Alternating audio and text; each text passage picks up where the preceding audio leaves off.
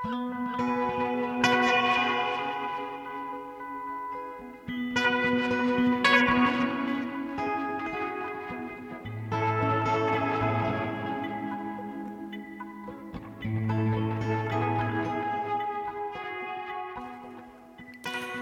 og sæl, kærlustendur, Melkorka Ólafsdóttir og Halla Harðardóttir hels ykkur úr hljóðstofu Vísjár, mánudaginn 12. september.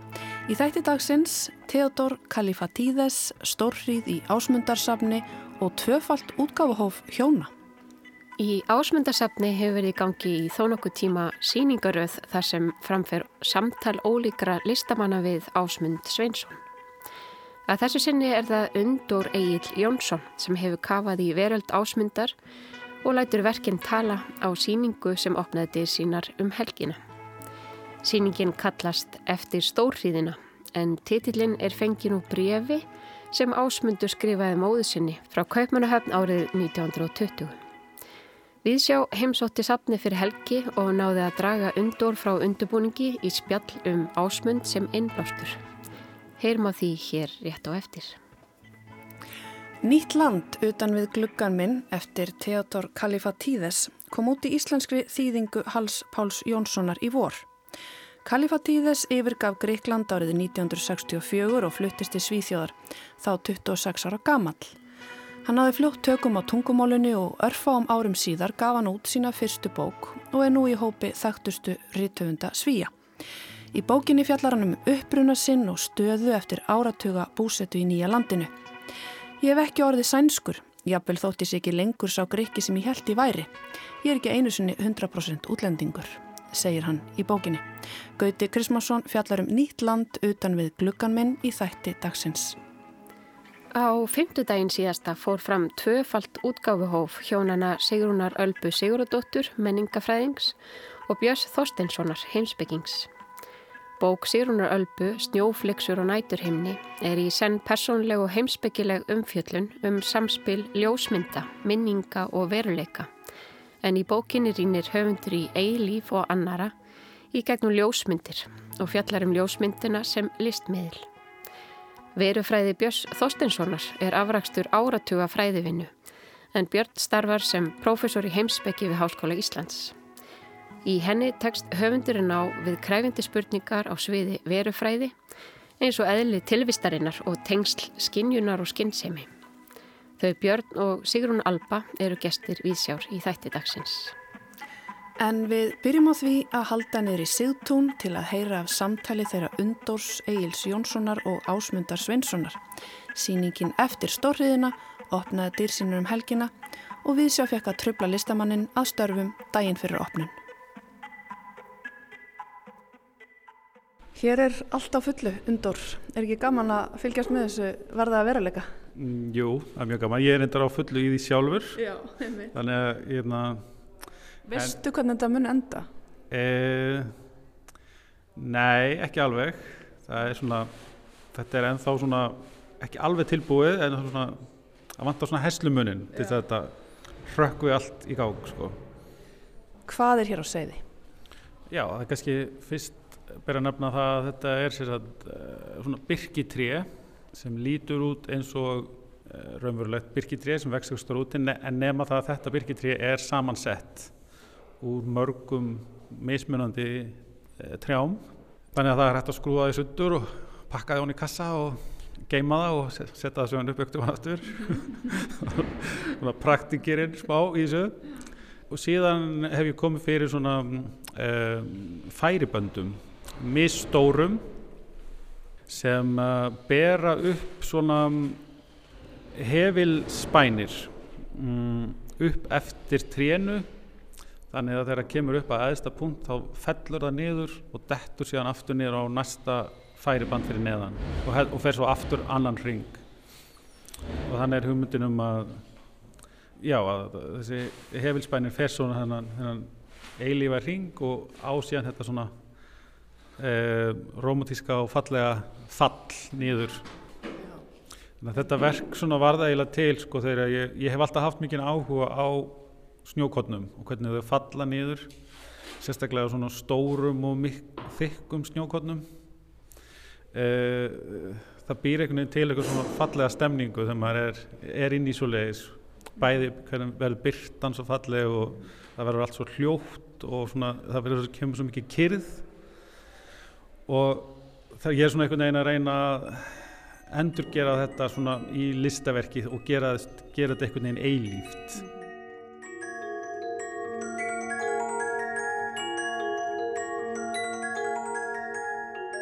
Og svo tók ég eftir því þegar ég var að vinna á vinnustofunni að sko hefilspænirinn haga sér eins sko, ég tók eftir því þegar hann var að falla af vinnuborðinu mínu niður sko, að hann, hann myndi mig á þessi snjókotn og ég, og ég sá þá að það væri fullkomið að uh, reyna endur gera reyna, end, já, nota þess að, að því að venjulega er þetta bara eitthvað sem fer síðan í rusladununa mm -hmm. en frábært að geta nota þetta líka mm -hmm. Þetta er svolítið svona þráður í þinni myndlist að umbreyta ykkur í eitthvað annað, að umbreyta ykkur úr náttúrunni í eitthvað annað sem er náttúrulegt en samt ekki. Já, sko ég er svolítið, ég held að við séum svolítið núna í svona, uh, já ég veit ekki hvort ég að segja það, er svona, jú, ég held svona kannski að við séum að að endur gera allskynns svona hluti í dag. Við erum að fara í gegnum eitthvað þannig ferli, við erum svona að reyna að halda í það gamla en, uh, og, og svona reyna að endur búa það til og mér finnst eitthvað fallegt við þennan uh, þetta er, er bæðið eitthvað svona sorg í þessu en það er líka þessi fegurð að þegar maður er að búa eitthvað til og svo, og, og svo kemur þetta óvænta sem er þetta sem maður bjóst ekki við sko. Mm -hmm. þetta er svona þriðja mm -hmm. uh, já svona þriðji hluturinn sem er sem ég er svona einhvern veginn alltaf að reyna að finna. Einhver nýr veruleiki. Já, einmitt, svona einhvern veginn og einhvern svona að það væri til einhvern ný þekking sko, þegar maður er að reyna að endur gera eitthvað svona. Mm -hmm. og líka þá bara áttum að segja á því hvað svona einfaldir hlutir í, sem maður upplifur á hverjum degi svona, eins og bara svona smá vindur eða snjókotna falla að þetta er í rauninu rosalega flókið. Svo er rosalega flókið að endur gera svona mjög einfaldar hluti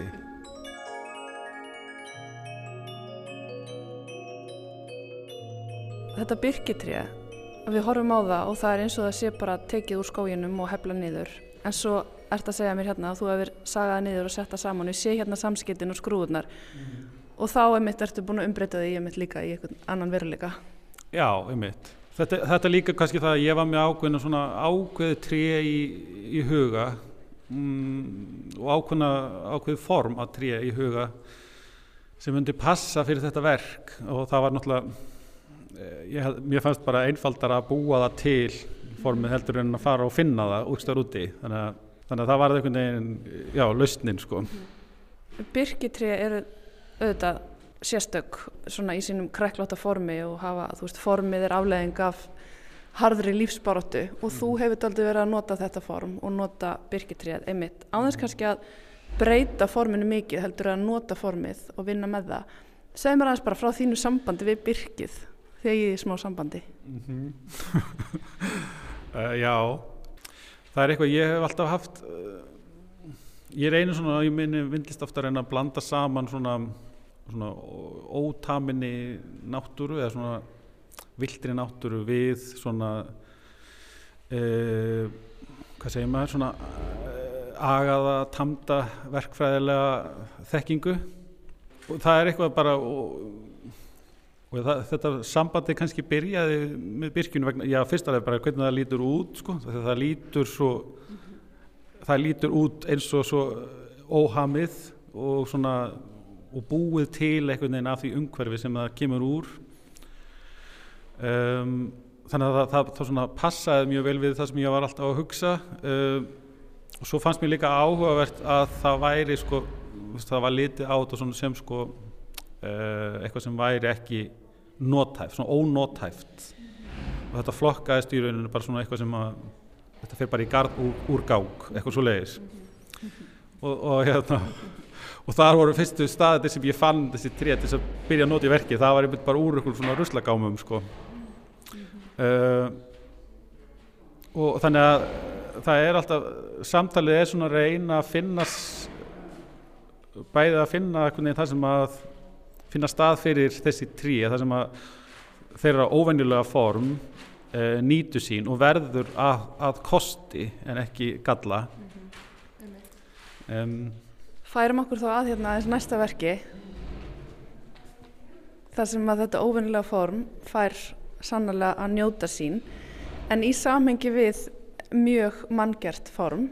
Mm. og hér er mitt verkið orðið að nýtja hlut Já, hér mitt hérna erum við með sko Birkitré sem er síðan hefur orðið að uh, bladastand og lampa. Og þetta verk var eitthvað til út frá því að það vantæði kannski eitthvað eitthvað góðan stað fyrir uh, síningaskrána og hérna Þannig að þetta er sérstaklega gert fyrir þessa síningu Já, í rauninni sko, já en, en svo getur það örgulega lifað áfram líka annar staðar og svo finnst mér líka einhvern veginn að uh, birkitriðin eru líka einhvern veginn svona fullkomnir sko svona lampar einhvern veginn. Þau eru, þau eru oft svona, svona veginn, þau hafa þessa sveiju í sér sko sem að standlampi þarf oft. Þannig að það er rosalega gott að setja síðan lampa á endan á trínu eða svona lampaskerm. Það klárar formið svo vel sko einhvern veginn að, að það komi svona á endan svona skermur. Mm. Hér er heil skólahópur komin að fylgjast með okkur, það er hansi gaman að þessu. Komið áhöröndaskara, hæ. Já, við myndum að búið að vera opið hérna inn meðan á síningu hefur staðið.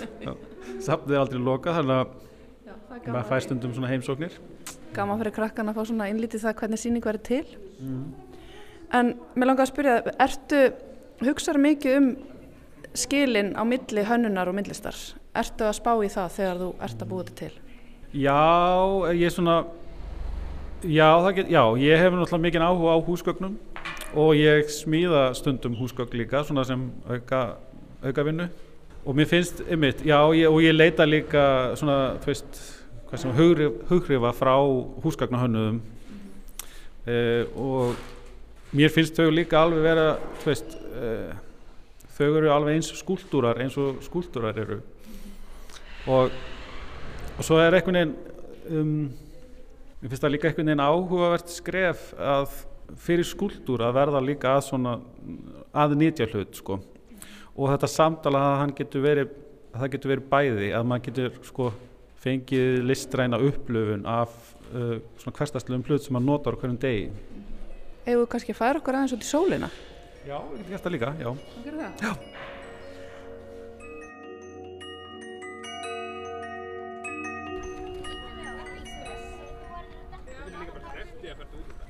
Þetta er ekki aðeinslegt gaman hvað mikið líf hérna á safninu það er alveg Já, það er... klukkan er rétt að vera tíu og það eru skólakrakkar og það eru ferðamenn og... Já það er ótrúlega mikið umgangur inn um gardin sérstaklega og líka það er búið að vera svo gott við þessist í dag Já, til okkur á bekkin hana Já. Nú eru að ganga einnum verkinans ásmundar hann auðvitað fjallaði mikið um náttúröflin og náttúruna í sínu verkum. Eins og þú, það er kannski eitthvað sem að, að þetta er blöytt það er alltaf það er hvað? Það er svolítið mikið blöytt svolítið mikið blöytt, það stöndu upp á svolni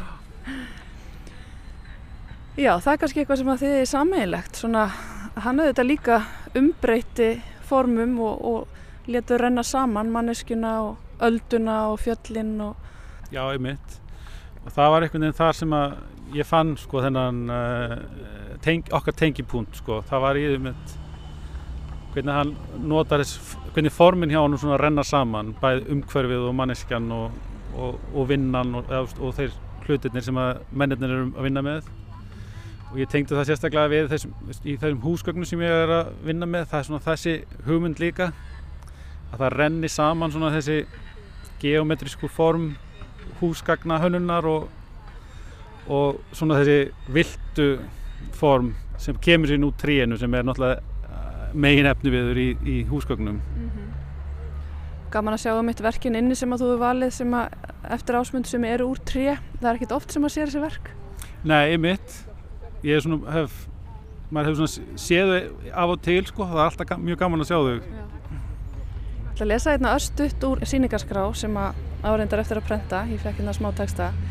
Um, Ásmundur Sveinsson og Undur Egil Jónsson eru myndtökurar tveggja tíma, annar fætur að kolstöðum í Dalasíslu undir lók 19. aldar og starfaði landslægi þeirrar uppbyggingar, framþróunar og tæknivæðingar sem mótenismin bóðaði. Hinn laug myndlistanámi árið 2011 og er hlut á kynnslóð sem stendur frammi fyrir því að vinda ofan af offari fyrir kynnslóða. Eh, þetta er hluti úr texta sem er eins konar yngangur og leiðavísir um síninguna mm -hmm. og síningin kallast eftir stórhríðina þannig að það gefur til kynna að Já, við sem hérna fjalla um afleðingar mótenismans að einhverju leiti stöðuna sem við erum stödd í núna, þú veist, við erum fórnalömp kannski teknið framfarana uh, og fjöldaframlegslunar og, og erum að takast á við þetta allt saman á þessu tímabili sem að kallast mannöld. Er þetta eitthvað sem þú ert að hugsa um? Mm, já, það sem ég tók eftir, ég var líka að vera að skoða ásmundsvöldi mikið, það var sko hvaðan var sko mikill svona þáttangandi í uh, öllum svona, öllum nýjungum sem voru í, í gangi á 2000-öldinni og ég raunir líka hvað hann hefur þurft að berjast mikið fyrir því að uh, já, hvað þetta hafa voru mikið átök sko í, listanum, í listaheiminum um alls konar svona nýjar hugmyndir og þetta verður mikið svona uh, þannig að mér fannst þessi, þessi svona hugmynd áhugaverð og mm, En Tengir þú við þetta að við séum eh, að stíga upp úr stórrið? Mm, já, ég finnst það allavega einhvern veginn eins og það sé svona og kannski langaði mig til að vinna í þessari síningu, mér langaði að vinna með svona einhverja, með einhvers konar kyrð eða svona, að það sé svona einhvers konar eh, við einhvers svona staður sem maður er svona að endur skoða og, og svona endur, eða svona átta sig á hvað maður er að gera næst mm -hmm hugsa hlutuna kannski aðeins upp á nýtt. Já. Einmitt. En ég heyrði að því að þú hefðir sapnað hérna byrkifræjum hér á lóðinu og farið með að, á landið þitt, þú býrði kvalferði. Já, einmitt. Uh, ég er sérstaklega hrifin af mjög svona kræklótu byrkitrjám mm -hmm. og það eru einstaklega kræklót byrkitrið hérna í gardinum hjá ásmundi. Uh, og meirins að ég er hérna eitt hérna svona velunnatrið hérna. Uh, og ég mér langaði einhvern veginn bara til þess að kannski, já, endur leifa þessu þessu fallega trí að að fjölga sér? Uh -huh. og mögulega kannski einhvern veginn þegar ég er á gafall maður get ég, get ég nýta Allavega horta á þau og nota þeirra. Já, nákvæmlega En hérna Ásmundur, hann var einmitt eins og segir, hann var svona inn í uppi á þeim tíma þegar voru mikil átök innan myndlistarinnar. Og hann var svona mikil bóðberð þess að myndlistin nætti að vera nær fólkinu og, og hérna og að myndlistin væri einhvers konar tæki til að hafa áhrif á samfélagið. Tekur þau undir þessar pælingar hans? Mm, já, ég, ég held það sko, já. Uh, ég meina, mér finnst frábært að, að hérna, listasýningar eru alltaf að vera fjölsóttur og fjölsóttari og já, mér finnst bara eh, einhvern veginn að listamæðin fá líka að hafa rödd og já, og verkinn fá að tala. Mm -hmm. Þau fá allavega að gera það hér í gardinum það er alveg hópur fólks að tala við þessu verk eins og við sjáum hérna í sólinni. Takk innlega fyrir spjallið. Gangið vel að klára að setja upp síninguna það er opnun núna á laugadag já. og uh, áhuga saman lustendur geta bara dreifið sér ásmundarsam Já, takk fyrir mig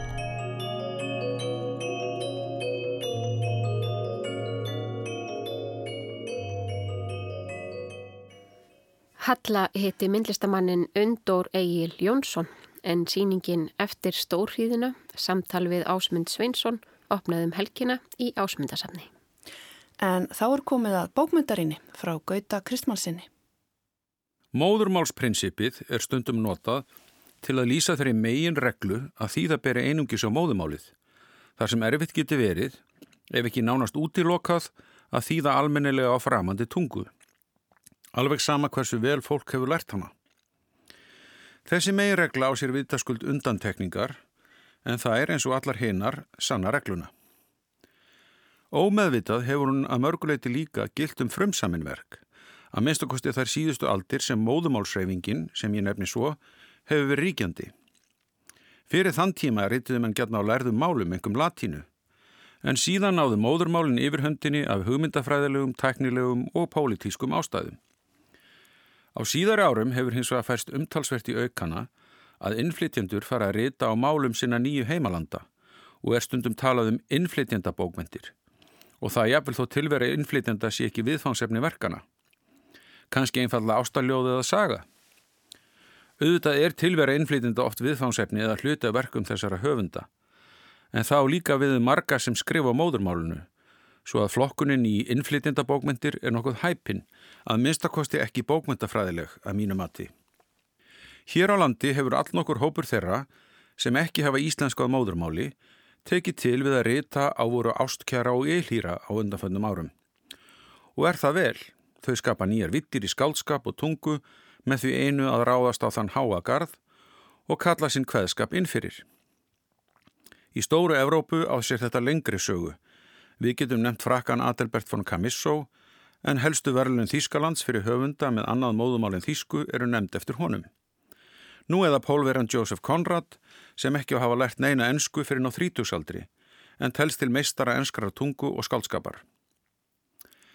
Ég skal ekki segja hvernig það var í Svíþjóð en einn af þeim sem náð hafa hvað mestum árangrið þar, svo góðum að hann hefur verið kallaður fremsti höfundur Svíþjóðar, er grekkin Theodor Kalifatítes.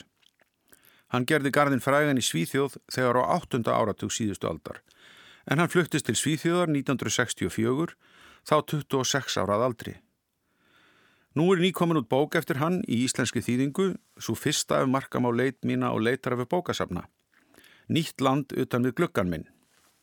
Þýðandin er Hallur Pál Jónsson.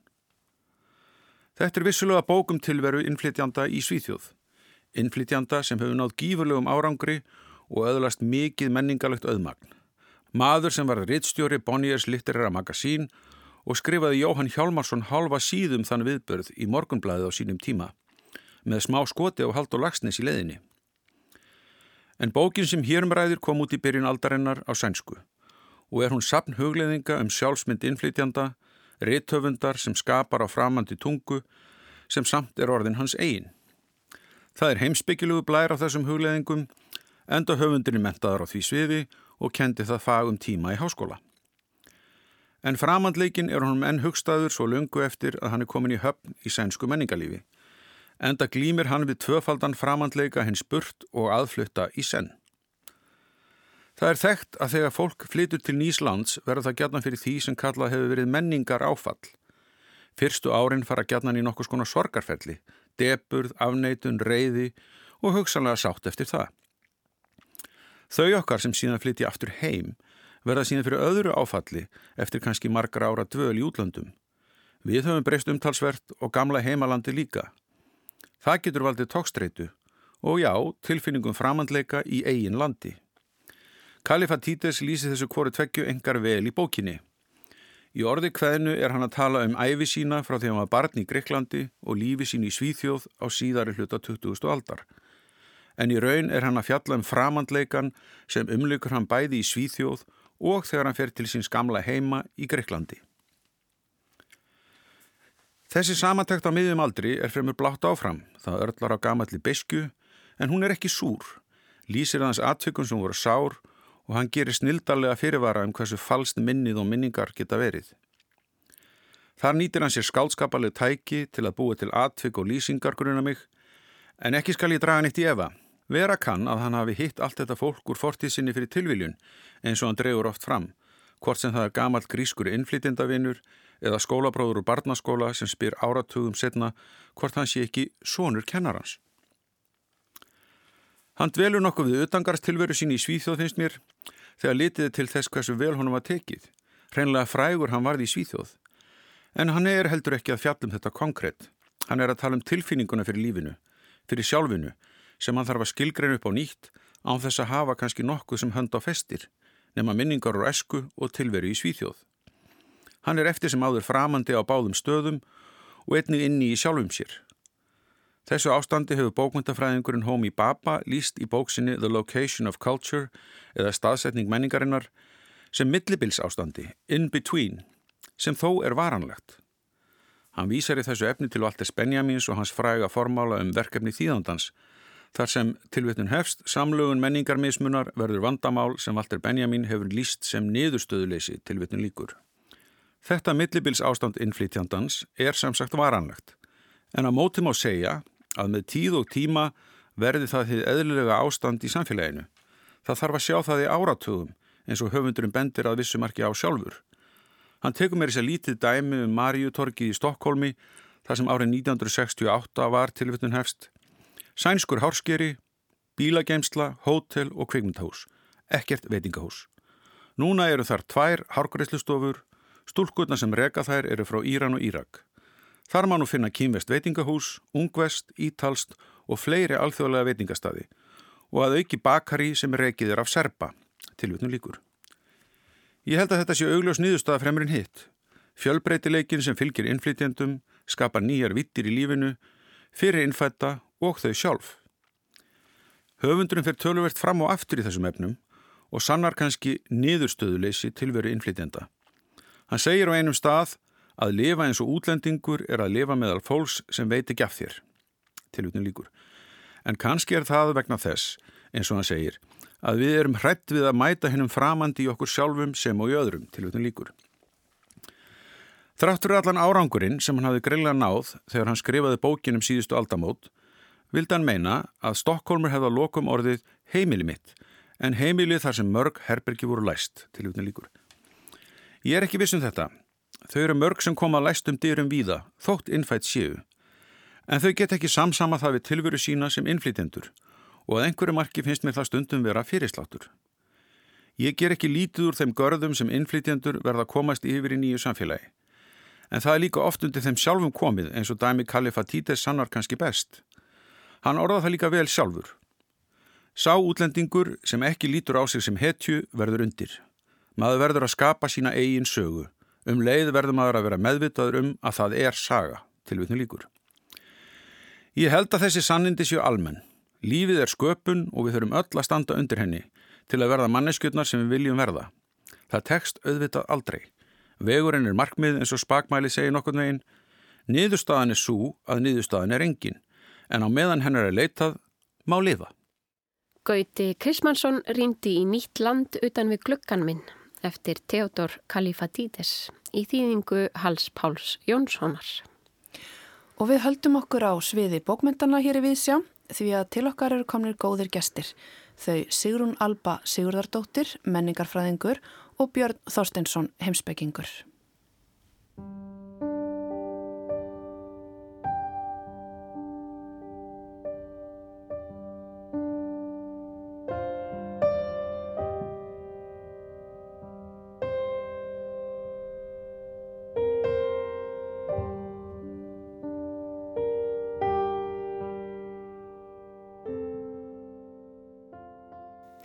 Þau eru sestina hjá mér Björn Þorstinsson og Sigrún Alba Siguradóttir. Þau eru hjón og gáfu bæði út bækur á fymtudaginn síðastliðin og virkilega gaman að taka móti ykkur saman. Takk, gaman að koma. Björn, við kannski byrjum á þér verufræði. Þetta er ekkit smáræði að eiga við. Nei, verufræði er svona, þetta er stórt orð, hákott mm -hmm. og hérna má auðvitað alltaf gaggrina það að setja svona stóra titla á bækur en Uh, þetta á, á sig kannski einhvern svona fyrðulegan aðdraðand að ég fekk þessa flugu í höfuð að, að sækjum styrk til að skrifa svona bók fyrir mjög löngu, svona 10-12 árum eða hvað þannig var. Og svona til að gefa henni bara almennilegt lýsandi heiti þá leti hann að bara heita verufræði í umsókninni og, og svo fekk ég nú styrkin og svo þurfti ég nú að fara að sinna öðru og þetta tók langan tíma að skrifa bókina en, en hún einhvern veginn hefur alltaf heitið þetta í mínum huga og, og svona meðal hjá okkur hjónum og, og, og vinnum okkar sem hafa frétt af þessu fylst með þannig að endanum fekk hún bara að heita þetta mm -hmm. en auðvitað hún er um verufræði sem er svona spurningin um veruna hvað það er að vera og, og hérna hvað hver, hvað er og hvað er til og hvað, hvernig er það sem er til, til hver, hver eru hættir verunar og hérna sem slík þá er hún auðvitað alveg stendur hún undir nafninu en Já. auðvitað er verufræðin líka þannig að síðast orði verður aldrei sagt Akkurat. um þau efni. Um, bókin hefst á því að, að þú átt þetta samtal við dóttuðina sem er með einfalt svar um hvað það er að vera og, og svara því að það er að vera til í heiminum eða, já, já, að vera í heiminum. Að vera í heiminum. Svo snýst þetta að miklu leiti um svona samband skinnjunur og skinnsemi. Já, það má segja það einmitt, það er ágætt að orða það þannig sko. Ég spyr mér rauninni e, meðal annars hvort að það eina sem sé til sé efnið við efnislega og kanna þá spurningu svolítið með því að fara yfir í kenningar skamtafræðina sem er náttúrulega svo grein eðlisfræðina sem fæst við svona smæstu eindir efnisins mm -hmm og þar kemst ég að því að það eru eins og svona mótsagnir og erfiðleikar sem að mér virða svona raunni ganga aftur uh, og, og raunni næst ekki að leysa úr helstu svona verufræðilegu erfiðleikunum sem er líka hægt að reyka sjá efallega með því að, að hugsa svona heimsbyggilegra hátt um, það sem er. Og eitt af því sem að vaknar eins og spurning, eina af þeim spurningum sem þá vaknar er eiginlega spurningin um stöðu vitundarinnar eða skinnjunarinnar í veruleikanum Þannig þá kann að ég það aðeins í, í næsta, næsta kabla og enda síðan í rauninni á einmitt svona umræðum skinn og skinnsemi í, í, í síðasta kablanum mm. og veldi svona fyrir mér hvort að það geti haft einhvers konar, hvað ég má segja, kosti að tala um að veran hafi skinn og það sem er enginnist af því að hafa skinn eða, eða eiga hlutild í skinninu sem býr í verunni.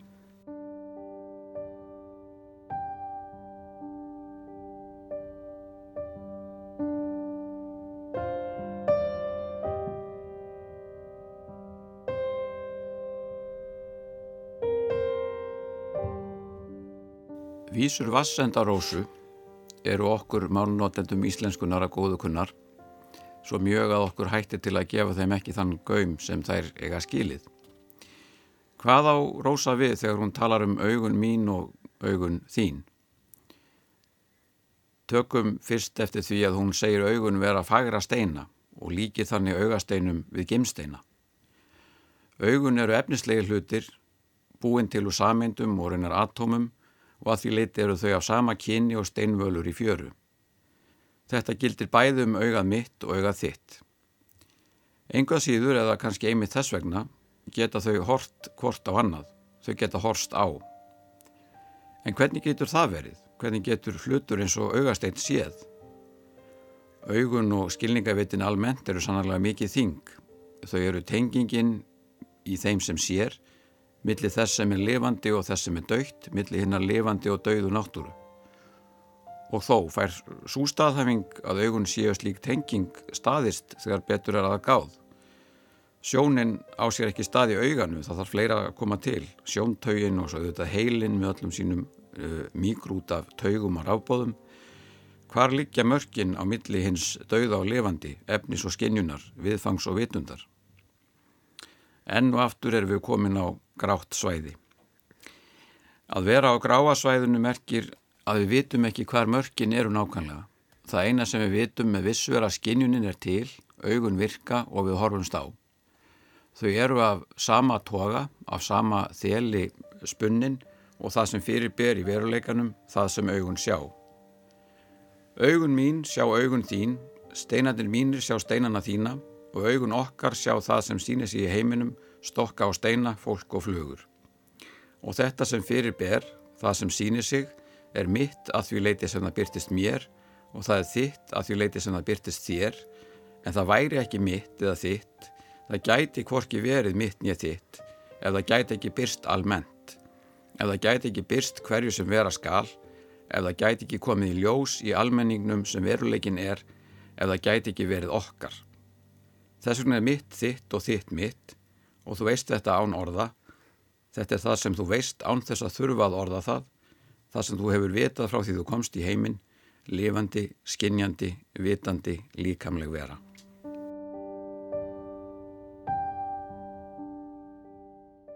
Það er þessi þrýþætti vandi sem að þú ert að, að fást við, vandinum sínd og reynd, vandinum huga og hlut og vandinum eitt og margt.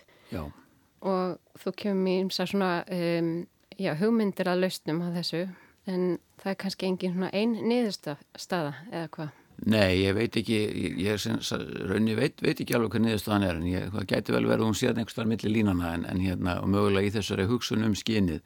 Ég held nú reyndar að ég sé kannski undir niðri að reyna að sína fram á að verufræði er bæði mjög svona kunnulegt viðfangsefni hjá okkur og en það að hugsa verufræðilega fyrir mér er að reyna að hugsa í heildum og hugsa veruleikan sem kannski gætu við kallaða lífræna heild og ég held að svo tegunda hugsun sér unna verða þetta aldrei brín mm. og við sjáum hana mjög víða eins til dæmis í í hérna umræðum umhverjusmál og þegar við tölum um jörðina sem lifandi heild sem við öll erum einhvern veginn eh, dæmt til að vera hluti af og hafa áhrif á, á með gjörðum okkar. Mm að ég held að við þurfum aðeins að losa okkur undan þeirri tvíhyggju sem að blundar undir niðri og, og hérna kannski felur í sér að við séum við höfum einhverja undan þá og séum einhvern veginn undan þegin því að hafa áhrif á þessa lífrænu heild mm -hmm. og svona já, ég sé verufræðina svolítið fyrir mér sem uh, ákveðna leið til þess að hugsa öðruvísi um, um þessi mál og sigrast á þessari tvííkju. Já, og kannski að gangast við því að tvíæðli sé grunn lögmál veruleikans.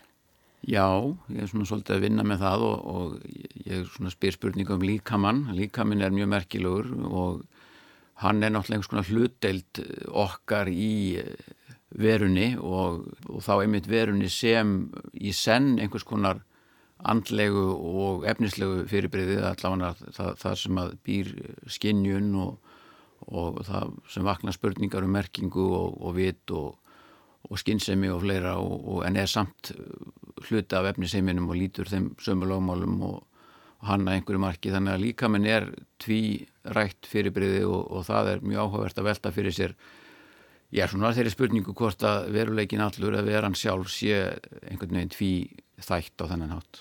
Mm -hmm. En ég hjá eftir einmitt þessari setningu í bókinni efni og vitund geta hvort án hins verið, það er svona svolítið það sem þú vart að tala um, að minnst okkurstu svo lengi sem veran byrtist og þegar ég las þetta þá upplýði ég svo mikla samsunn á milli bókana ykkar tveggja mm. það, sko, spurði mig hvort að þessi byrting sé einmitt aðal málið þessi stöðuga reyfing og þessi stöðuga já, svona, það er eitthvað svo aktíft í þessu já. og það er svona eitthvað sem ég teinti líka við bækur ekki að begja er þessi svona ást á lífinu, ást á heiminum og það, þessi svona eitthvað sem að maður aktíft gerir. Erstu samúlið því, Sigrun Alfa?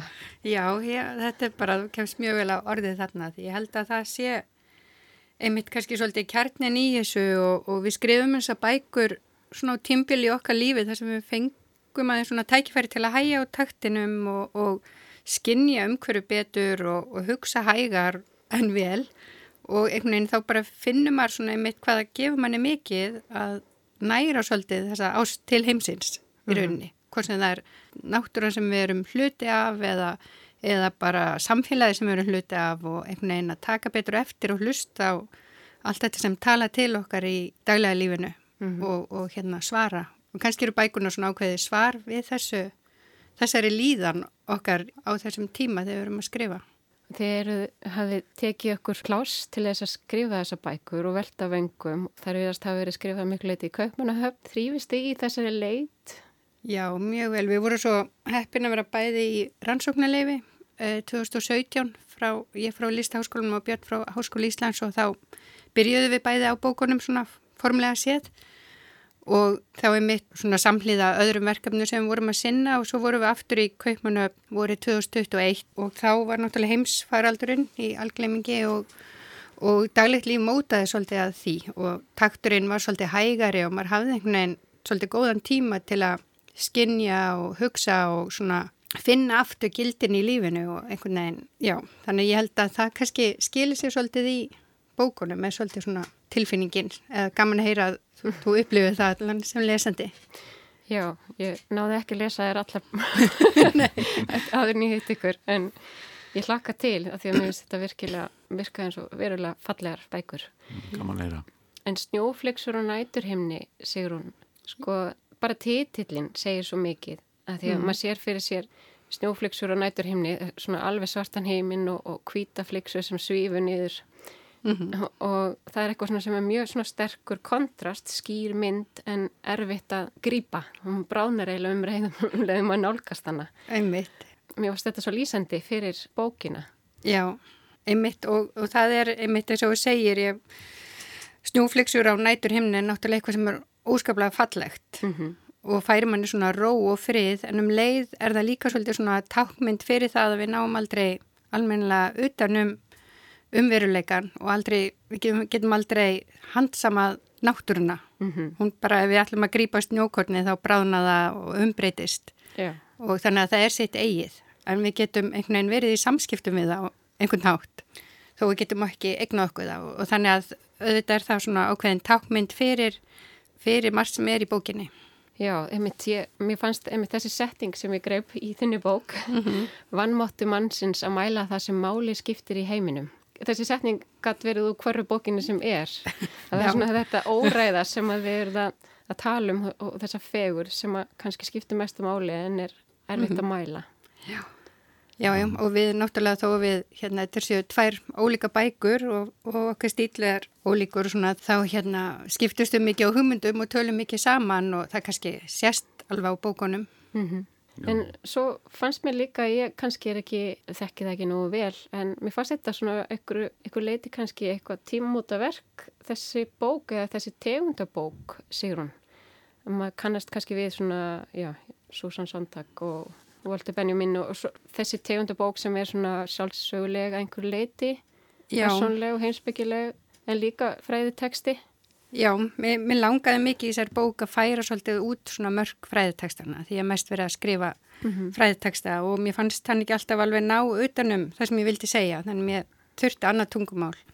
Og ég hrýfst mjög mikið af höfundum sjálf eins og þú nefnir Walter Benjamin sem að ég mikið hort til eh, gegnum tíðina og, en líka eins og Sirri Hustvedt og Daisy Hildjart og Næja Maria Íd og þetta er allt höfundar sem að er að skrifa svona autofiksjón þar sem að ég finnst vera munur því og því að skrifa sjálfsæfisögulega.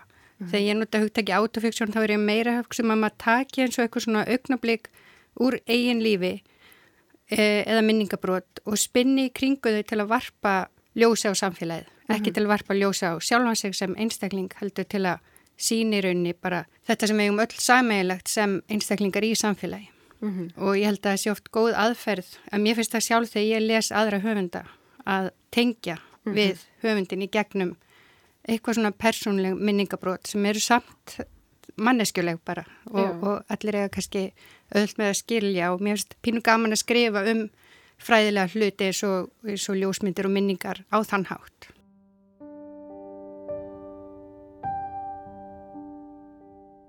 Eplið. Ég hafði eplið með mér heim í ferðartösku síðasta sömar. Það var lítið, safaríkt, grænt. Þegar var barn borðaði ég fyrst og fremst græn epli, skorinn í örþunna sneiðar, klemt á milli tveggja fransbröðsneiða, örlítið volk en enn safarík eftir að hafa velst um í skólatöskunni fram að fríminútum. Ég kreppi lófan utanum litla græna eplið. Það er farið að þorna upp en er enn hart viðkomu. Ég kemði fyrir út í glugga í borstofunni. Fyrir utan falla snjókornin mjúglega til jarðar. Þetta er kaldur og blöytu dagur. Eppli veiti mér huggun, felur í sig fyrirheit um nýtt sumar og geymir í sig minningar. Dótti mín hafði stækkað en mér tók samt að liftinni nógu háttu upp þannig hún næði fótfestu í trénu. Hún tegði sig í eplið, setti það í vasan og hoppaði neyri gardin.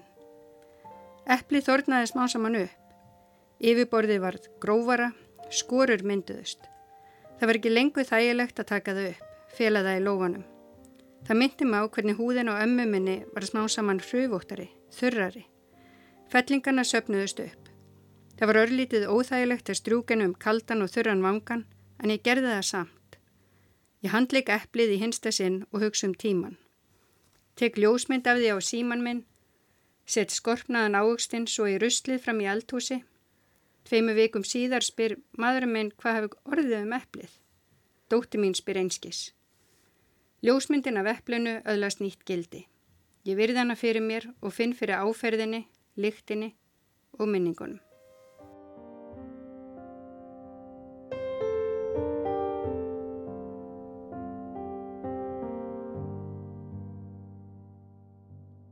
Þetta að ma maður sjálfur er í einu, einu mæli einingin eina mm -hmm. viðmiði sem maður hefur. Og þetta finnst mér, ég líka finna fyrir þegar ég glukka í þína bók við Já, Sko það er eitthvað við, við þessa, uh, þessa samþæktingu eða tvíraðinni sem vorum að tala um á hann í líkamannum að, að, að við erum í senn einhvern veginn einstök og almenn mm -hmm. og uh, við erum raunin alltaf að vinna þarna þessum mörgum og bara það að nefna hlutina einhverjum nöfnum, það er raunin að fara stíga skrefið inn á því almenna mm -hmm. og þá svolítið eins og Sigrun segir, þá er maður vissin átt að svíkja fyrir, fyrirbærið en samt er maður náttúrulega að sína því þann trúnað sem maður getur tjáningin er hluti af verunni sko.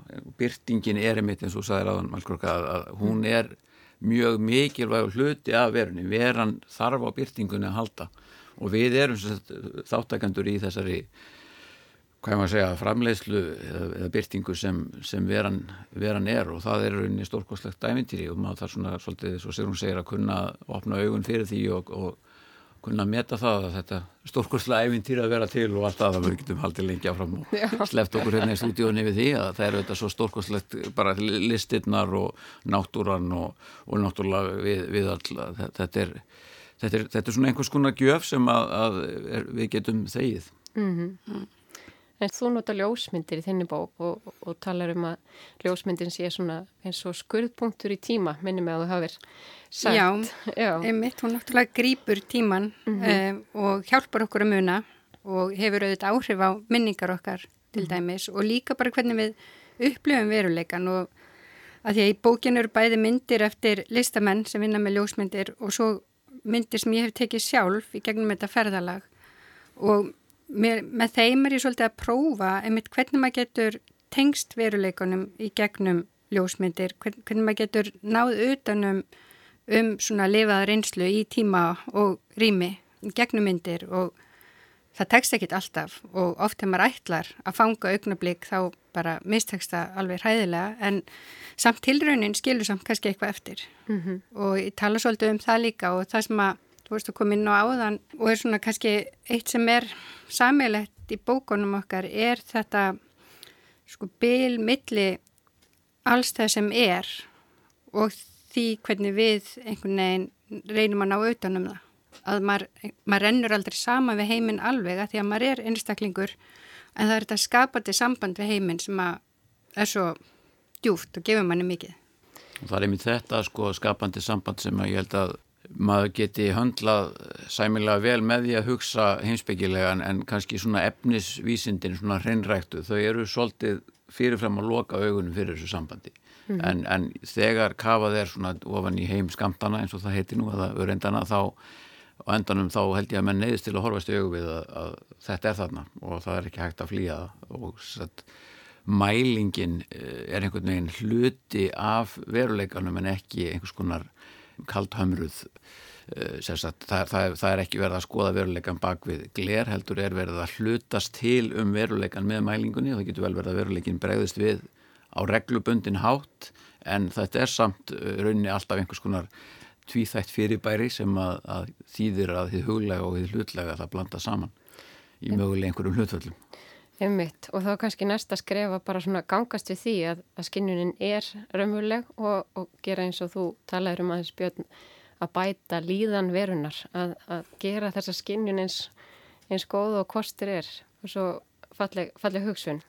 Já, ég þakkaði fyrir ég er sko að reyna aðeins og þetta gerist eiginlega hálf óvart að ég er svona að reyna að hugsa sérstaklega svona þegar álýður í bókinni að, að leifa íslenskunni svolítið að þessu tungumálu okkar uh, að, ég uh, líku að segja njóta vafans. Að nýta mér þá verufræðilegu möguleika sem hún býður upp á þá heimsbyggilegu möguleika þannig að ég verði að hafa það svona í flimtingum við fólk að bókin sé óþýðanleg. Þannig að ég, hef viljað helst að hún væri óþýðanleg þannig að það, það sé þú komið hérna heimsbyggiritt sem að þannig að það er mjög erfitt að þýða yfir annu tungumál. Og einmitt þetta hugtak um líðanina og hugtakið um skinið sem ég vinn líka með, ég er að taka alltaf áhættu með þeim. En já það má segja því þú spurðu nú niðurstöðun á þann niðurstöðan er kannski svo að við eigum að bæta líðanverunar mm -hmm. Það er líka eitthvað sem ég upplýði stert í þinni bók Sigrun að síðasti tekstin í bókinni heitir Svölurnar í Arls Já, í Arl Þegar ég las þann teksta þá upplýði aftur þetta þessa sterku ást á heiminum sem að mér finnst bara ganga í gegnum báðabækur en líka þetta sko að, að skinja og verða fyrir áhrifum eða hýfast og finna til og langa að deila því með öðrum, deila því með fólkinu sem þið þykir væntum, ert að lýsa því í þessum texta. mm -hmm. og hvort að, að það sé svona að staðfestingin á skinnuninni felist í því. Já, einmitt, það er nú hérna, einmitt eftir í hug orð eftir Dóri Láp sem að lifiði helfurinn af. Hún sagði að hún lifiði ekki helfurinn af til þess að segja frá heldur, sagði hún frá til þess að lifa af og þetta er kannski svona ekstrím dæmi en mm. En við höfum öll rosa ríka þörf fyrir að deila sterkum upplifun með öðrum og það er kannski þess vegna líka sem maður er að posta myndum á Instagram eða Facebook þar að því að maður upplifir eitthvað sem hefur rosalega gildi fyrir mann og auðvitað langar mann að segja öðrum frá því. Það verður svona pínu einmannlegt eiga það bara eitt með sjálfum sér. En samt er það sko, þurfum við líka að kunna það held ég eins og það er svolítið niðurstaðan í lokakabla bókarinnar hjá mér að sumar minningar á maður bara einn. Mm -hmm og maður þarf kannski bara að taka það svolítið í sátt Þetta er svona mm -hmm. systemi góð sér það sem ég sé eins og segir grasa fyrir Jónas Hallgrímssonar að maður, þegar, þegar maður er, eh, verður fyrir mikill upplifun þá langar maður virkilega kannski, kannski vegna þess að maður trúur ekki sínum eigin hug að maður vill fá staðfestingu mm. og, en staðrindin er náttúrulega svo að, að sýstir mín sér aldrei alveg nákvæmlega saman og ég sé Nei. en það er yfir þess vegna sem við þurfum að, að deila upplifunum líka þegar við þurfum að bera það saman og og, og einhvers konar þekking okkar, hún er í því að rekja tengslinn á millu okkar og, og fyrirbærarna og þekkingi verður ríkulegur eftir því sem við rekum þessi tengsl frekar.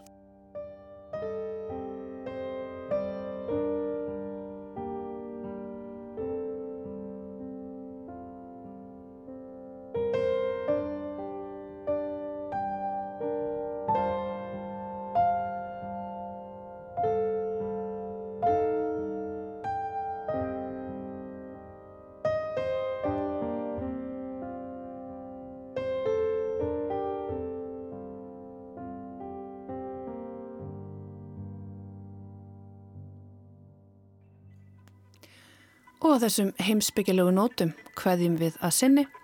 Við sjáverðum hér aftur á sama tíma morgun. Við þökkum áhernina. Verið sæl.